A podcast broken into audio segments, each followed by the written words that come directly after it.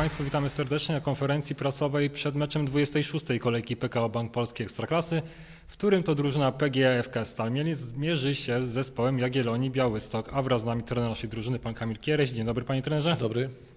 Dziennikarze i kibice nadesłali pytania na dzisiejszą konferencję, a to pierwsze z nich. Maciej Dycowski, Niemiec, Polskiej Ligi. Panie trenerze, jak wygląda sytuacja kadrowa? Jak wygląda stan zdrowia Ratajczyka i Gerbowskiego? Kiedy możemy spodziewać się ich powrotu do gry? To znaczy, no, sytuacja kadrowa jest y, y, dosyć dobra, bo jeżeli mówimy o, o tym, że większość zawodników jest do dyspozycji, większość zawodników trenuje od y, dwóch tygodni. Sapinen wrócił też z reprezentacji, już od wtorku jest z nami. Wiadomo, że tutaj temat młodzieżowca jest bardziej problemowy. Oprócz tego, że kontuzjowany był Ratajczyk, przygotowujemy go w tej chwili w treningach indywidualnych i dzisiaj też taki trening in- indywidualny był dla niego zaplanowany i, i, i jest kontynuowany. Y, No z Gerbowskim sytuacja wygląda dużo, dużo trudniej, bo wiadomo, że w piątek y, w meczu młodzieżówki y, kadry Polski doznał groźnego urazu. Te pierwsze prognozy były takie, że zawodnik wróci za około 6 tygodni. Wczoraj byłem na telefonie z zawodnikiem, bo fizycznie go tutaj nie ma. Przechodzi rehabilitację, ma to wszystko zaplanowane i z tego, co wczoraj od niego usłyszałem, może to być bardziej optymistyczne i nie chcę w tej chwili mówić, y, ile to będzie trwało, ale być może szybciej niż te 6 tygodni y, upłynie do, do powrotu tego zawodnika na boisko. Tak powiedziałem, pozostali zawodnicy trenują na pełnych y, obrotach. Jest dobrze. To wszystko.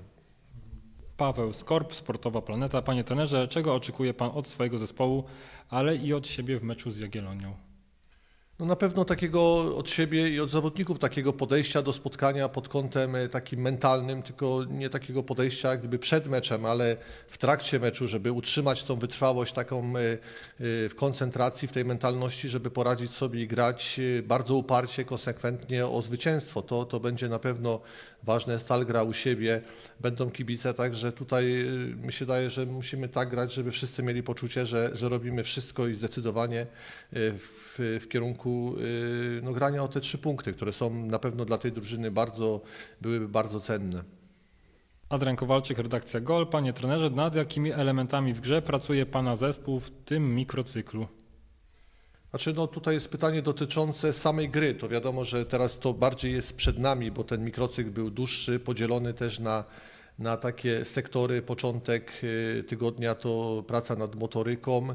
Y, Też y, wczoraj mieliśmy taki trening, gdzie, gdzie też zaznaczyła się, zaznaczył się większy fragment gry, gdzie, gdzie mogłem tam powiedzmy posprawdzać sobie personalnie, pozmieniać, poprzymierzać. To wszystko też na bazie wniosków z meczu ze Stalą Rzeszów. Y, Także tutaj ta analiza gry rywala i, i taki dogłębny trening powiedzmy pod kątem taktycznym jest jakby u finiszu tego y, mikrocyklu, który jest przed nami, a przed nami jeszcze jest sobota, niedziela, także na te, na te dni ten czas jest jakby poświęcony i tu większą uwagę zwrócimy na elementy taktyczne. Jeszcze jedno pytanie od Adriana. Jak według trenera będzie mógł wyglądać mecz z Jagiellonią? Otwarta gra przez oba zespoły, czy jednak o zwycięstwie zdecyduje jedna bramka? No, mnie ciężko oceniać, czy, czy Jagiellonia będzie grała taki otwarty futbol, to, to zależy od trenera Stolarczyka, jaki on wybierze wariant. Ja bym widział swój zespół w takiej równowadze. To, bo, o co mi chodzi? O to mi chodzi, że, że po prostu też powinniśmy być takim zespołem atakującym, nie powinniśmy też być takim zespołem, który łatwo gdzieś da się skontrować. Także yy, wydaje mi się, że taka równowaga yy, ofensywno-defensywna, kiedy trzeba zejść niżej, bronić, no to, to musimy też zejść całym zespołem i, i bardzo skutecznie dzi- współdziałać. Wydaje mi się, że wszyscy zawodnicy muszą brać udział w grze defensywnej, kiedy tego wymaga moment, ale też chciałbym, żeby drużyna też w takim stopniu kreowała grę. Mówię też o bramkarzu, bo też bramkarz ma kontakt z piłką, obrońcy, yy, żeby zawodnicy ten ciężar brali na siebie. Także ja będę szukał takiej bardziej, tak jak powiedziałem już na tej konferencji pierwszej, równowagi w grze, arytmii w grze, także uważam, że, że to, to, to byłoby dla nas dobre. Konrad Krupa, magazyn Zawodnik Kompletny. Czy uważa Pan, że gol Sapinena w ostatnim meczu we Wrocławiu oraz w reprezentacji Estonii oznacza, że wkroczył on na lepsze tory i będzie częściej trafiał w kolejnych spotkaniach? Znaczy, bowiem, y, czy wtroczył na dobre tory, bardziej na taki aspekt mentalny zawodnika, bo jeżeli wiadomo, tych bramek nie strzelał, we Wrocławiu tą bramkę zdobył, y, strzelił tą bramkę y, w reprezentacji. Widać było też, no ja wcześniej nie miałem styczności z tym zawodnikiem, ale wrócił z reprezentacji, widać jego nastawienie jest takie optymistyczne, pozytywne. Wczoraj też w grze treningowej strzelił dwie bramki, także widać, że jakby chce i dąży do tego, żeby tą drogę kontynuować. Mamy nadzieję, że, że on jak gdyby pociągnie to dla siebie i dla drużyny ale też e, z zawodnikami rozmawiałem pod tym kątem, że są napastnicy w drużynie, ale jest coś takiego, że ten ciężar zdobywania bramek e, mogą na siebie wziąć też inni zawodnicy, bo jest coś takiego, jeżeli obrońca e, zawędruje w pole karne, to potencjalnie w tym polu karnym znajdując się gola może strzelić. Tak samo pomocnik czy, czy skrzydłowy, jeżeli biegnie w pole karne, Także no, nad tym też pracowaliśmy, że, że ten ciężar goli y, muszą wziąć ogólnie zawodnicy na siebie i choćby w tygodniu gdzieś y, takie jakby namiastki tego są. Oczywiście boisko, mecz ekstraklasowy na pewno będzie wszystko weryfikował, bo to inny wymiar rywalizacji. Marcel Kowalczuk, Podkarpacia Live. Trenerze, w treningach pojawiło się kilka nowych twarzy z naszej akademii. Jak pan ocenia ich potencjał i czy są szanse, żeby na stałe zostali włączeni do kadry?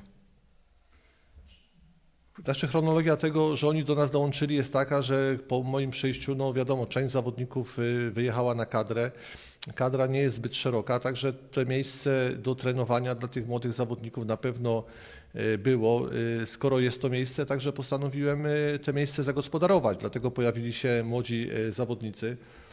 Nie chciałbym teraz w jakimś stopniu oceniać ich szans na to, co oni mogą uzyskać poprzez ten pobyt z nami w takim krótkim czasie kontekście tutaj boisk ekstraklasowych, ale też e, w jakimś stopniu są zaproszeni, bo prezentują określony potencjał. Oczywiście on jest na razie na o, o poziomie takim powiedzmy zawodnika młodzieżowego, ale już w swojej pracy trenerskiej nieraz e, udowadniałem, że zapraszając zawodników e, do takiej pracy na poziomie ekstraklasy, no niektórym się udawało, niektórym nie, ale zawsze mi się wydaje, że poprzez takie decyzje zawsze jakaś tam droga dla kogoś się otwiera i czy ktoś z tego skorzysta, no to już e, życie narysuje treningi, e, wytrwałość tych zawodników e, w, tych, w, tych, w tym powiedzmy w dążeniu do, do osiągania takiej lepszej doskonałości.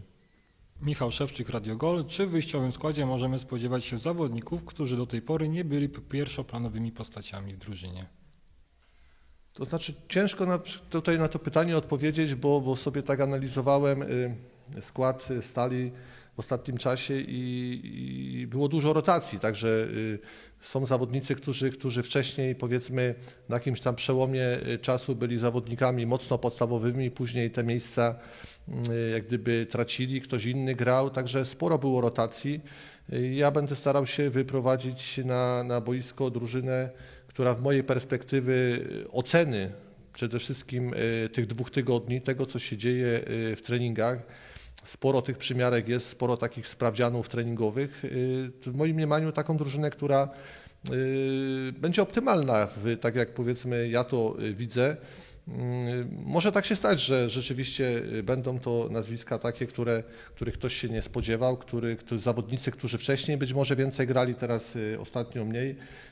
Ale globalnie dla mnie ważną sytuacją jest też to, żeby spojrzeć na wszystkich zawodników, że oni są naprawdę wszyscy ważni, bo jeżeli popatrzymy na to, że mecz y, ma to do siebie, że wychodzi 11, ale jest 5 zmian, także wydaje mi się, że tutaj dużą rolę mogą mieć ci zawodnicy, którzy nie wyjdą też, a wejdą na boisko. Także zaplanowane role są jak gdyby dla wszystkich, a kto wyjdzie w pierwszym składzie, to jeszcze się okaże, bo tak naprawdę jeszcze mamy y, sobotę i niedzielę do, do, do, do pewnych określenia pewnych rzeczy w treningach. Bartłomiej Płonka, przegląd sportowy. Panie trenerze, jak ocenia Pan potencjał Jagiellonii? Pomimo tego, że Jaga również broni się przed spadkiem, wydaje się, że na papierze dysponuje większymi możliwościami od stali. Znaczy, no tutaj nie chcę oceniać, czy dysponuje większymi możliwościami od stali, bardziej skupię się, czym dysponują, tak? bo dysponują na pewno dwoma napastnikami, Imaz i Gual, którzy y, na początku rundy nie do końca byli w, w pełnej dyspozycji zdrowotnej. Y, teraz oni już grają. Jest to są to napastnicy, którzy zdobyli obydwaj po 10 bramek, którzy jak się analizuje ich grę, to też y, w tej grze szukają takich akcji dwójkowych, y, wymieniają właśnie takie y, między sobą te podania i, i wbiegają w te wyższe strefy za, za linię obrony. To są też zawodnicy, którzy dysponują takim powiedzmy uderzeniem sytuacyjnym, także na pewno tutaj miejsca im nie wolno jak gdyby zostawiać, ale też trzeba ograniczać tą przestrzeń te przestrzenie, które, które, które powiedzmy Jagiellonia będzie chciała wykorzystać, także będziemy musieli w tych fazach defensywnych grać blisko y, siebie. Na pewno takim zawodnikiem y, też bardzo istotnym grze Jagiellonii jest pomocnik Nene, który powiedzmy w ostatnim meczu z Zagłębiem, czy też na meczu wyjazdowym z Miedzią Legnica, lewonożny zawodnik o bardzo takim nieprzyjemnym, mocnym strzale za pola karnego. No to są takie najbardziej charakterystyczne, y, powiedzmy, y, charakterystyczni zawodnicy, którzy wpływają na statystyki tego zespołu, ale też trzeba wiedzieć, że Jagiellonia jest takim zespołem rotacyjnym pod kątem ustawienia, bo też trener i gra czwórką i trójką, także też do końca nie jesteśmy w stanie przewidzieć, w jakim ustawieniu Jagiellonia zagra. Jeszcze jedno pytanie od Macieja Decowskiego. Panie trenerze, czy ktoś jeszcze dołączy do Pana sztabu szkoleniowego? No, na ten moment y, ja jestem pierwszym trenerem, Andrzej Orszulak i Paweł Barylski to są moi najbliżsi współpracownicy. Kamil Beszczyński jest trenerem bramkarzy i do 27 maja w tym układzie y, jak gdyby praca y, sztabu pod kątem personalnym jest tutaj jakby ustawiona. Tak jak powiedziałem wcześniej, Paweł Barylski, Andrzej Orszulak są to nie tyle współpracownicy jakby jednego sektora są to ludzie wszechstronni, także tutaj na pewno sobie w tym układzie poradzimy. Y, po zakończeniu sezonu zawsze i generalnie myślę o tym, żeby, żeby ten stab jakoś rozszerzać, ale to w tej chwili są inne wątki dużo ważniejsze. Na razie, na razie myślę, że w tym, w tym układzie personalnym jesteśmy w stanie sobie poradzić. Mamy jeszcze pytania od naszych kibiców. Jak duży ból głowy ma trener w doborze składu na mecz z Jagiellonią? Czy ten tydzień zweryfikował niektóre wnioski po meczu sparingowym ze Stalą Rzeszów? Znaczy dużego bólu głowy nie mam, choćby względu na to, że tak jak przyszedłem, powiedziałem, że chciałem przede wszystkim sobie uszeregować rywalizację, czyli y, jeżeli ktoś jest, jeżeli gramy w systemie 3-4-3 i są dwie dziesiątki, no to jest prawa dziesiątka, lewa dziesiątka, no to do prawej dziesiątki przydzieliłem dwóch zawodników, do lewej dwóch, y, na pozycję 6 dwóch zawodników i operuję w układzie tych dwóch nazwisk. Także y, sparingi, treningi w mojej głowie już jak gdyby mm, powiedzmy 80% składu jest wykreowane. Myślę, że to jest kwestia dwóch, trzech pozycji, gdzie, gdzie jeszcze powiedzmy te dwa dni treningowe y, będą tutaj mi, określą mi to, jakie decyzje podejmę. Każdy dzień, jak zawsze powtarzam, każdy dzień jest ważny, każdy dzień jest kolejny. Chodzi o to, żeby jak najlepiej przepracować y, dany dzień i, i otworzyć sobie drogę do następnego. Także y, każdy dzień, ten następny też jest jakimś tam wnioskiem i, i, i pracą, która jest kontynuacją. Mamy jeszcze jedno pytanie też o wyjściowy skład. Po części już trener odpowiedział na nie. Trenerze, czy będąc w zasadzie w połowie mikrocyklu przygotowań do spotkania z Jagą, rysuje się już Panu obraz pierwszej jedenastki? Czy możemy spodziewać się jakichś szerszych przetasowań, czy raczej w drugą stronę i jeśli tak, to czy to będą tylko kosmetyczne zmiany? Znaczy, no, na pewno te zmiany się y, rysują, tylko tak powiedziałem wcześniej, że, że tutaj y, to pytanie jest takie trudne do odpowiedzi, bo też wydaje mi się, że też y, Stal wcześniej nie grała taką cały czas jedną stabilną jedenastką, tylko to się zmieniało i i zależy z której strony na to się, się spojrzy. Też nie chciałbym czegoś nakreślić, bo jeszcze mówię, ostatecznych decyzji nie, nie, nie podjąłem y, w kontekście tego meczu. I ostatnie pytanie. Czy bierze Pan pod uwagę wystawienie w składu bez młodzieżowca, dopóki nie wróci Gerbowski i Ratajczyk? Tak, to jest możliwe. Nie wiem, czy w tym spotkaniu, nie chcę tego jak gdyby w tej chwili określić, ale w jakim stopniu jest to możliwe. Tak samo możliwe jest w innych spotkaniach. Y, globalnie, jeżeli mówimy o strategii dziewięciu spotkań, które przed nami, na pewno tego nie unikniemy. Nie możemy tu uciekać od tego, że, że młodzieżowiec nie będzie y, grał. To jeżeli takie coś wyniknie, to bardziej z sytuacji kadrowej, y, która zmusi mnie powiedzmy do takich decyzji. To wszystkie pytania. Dziękujemy Państwu.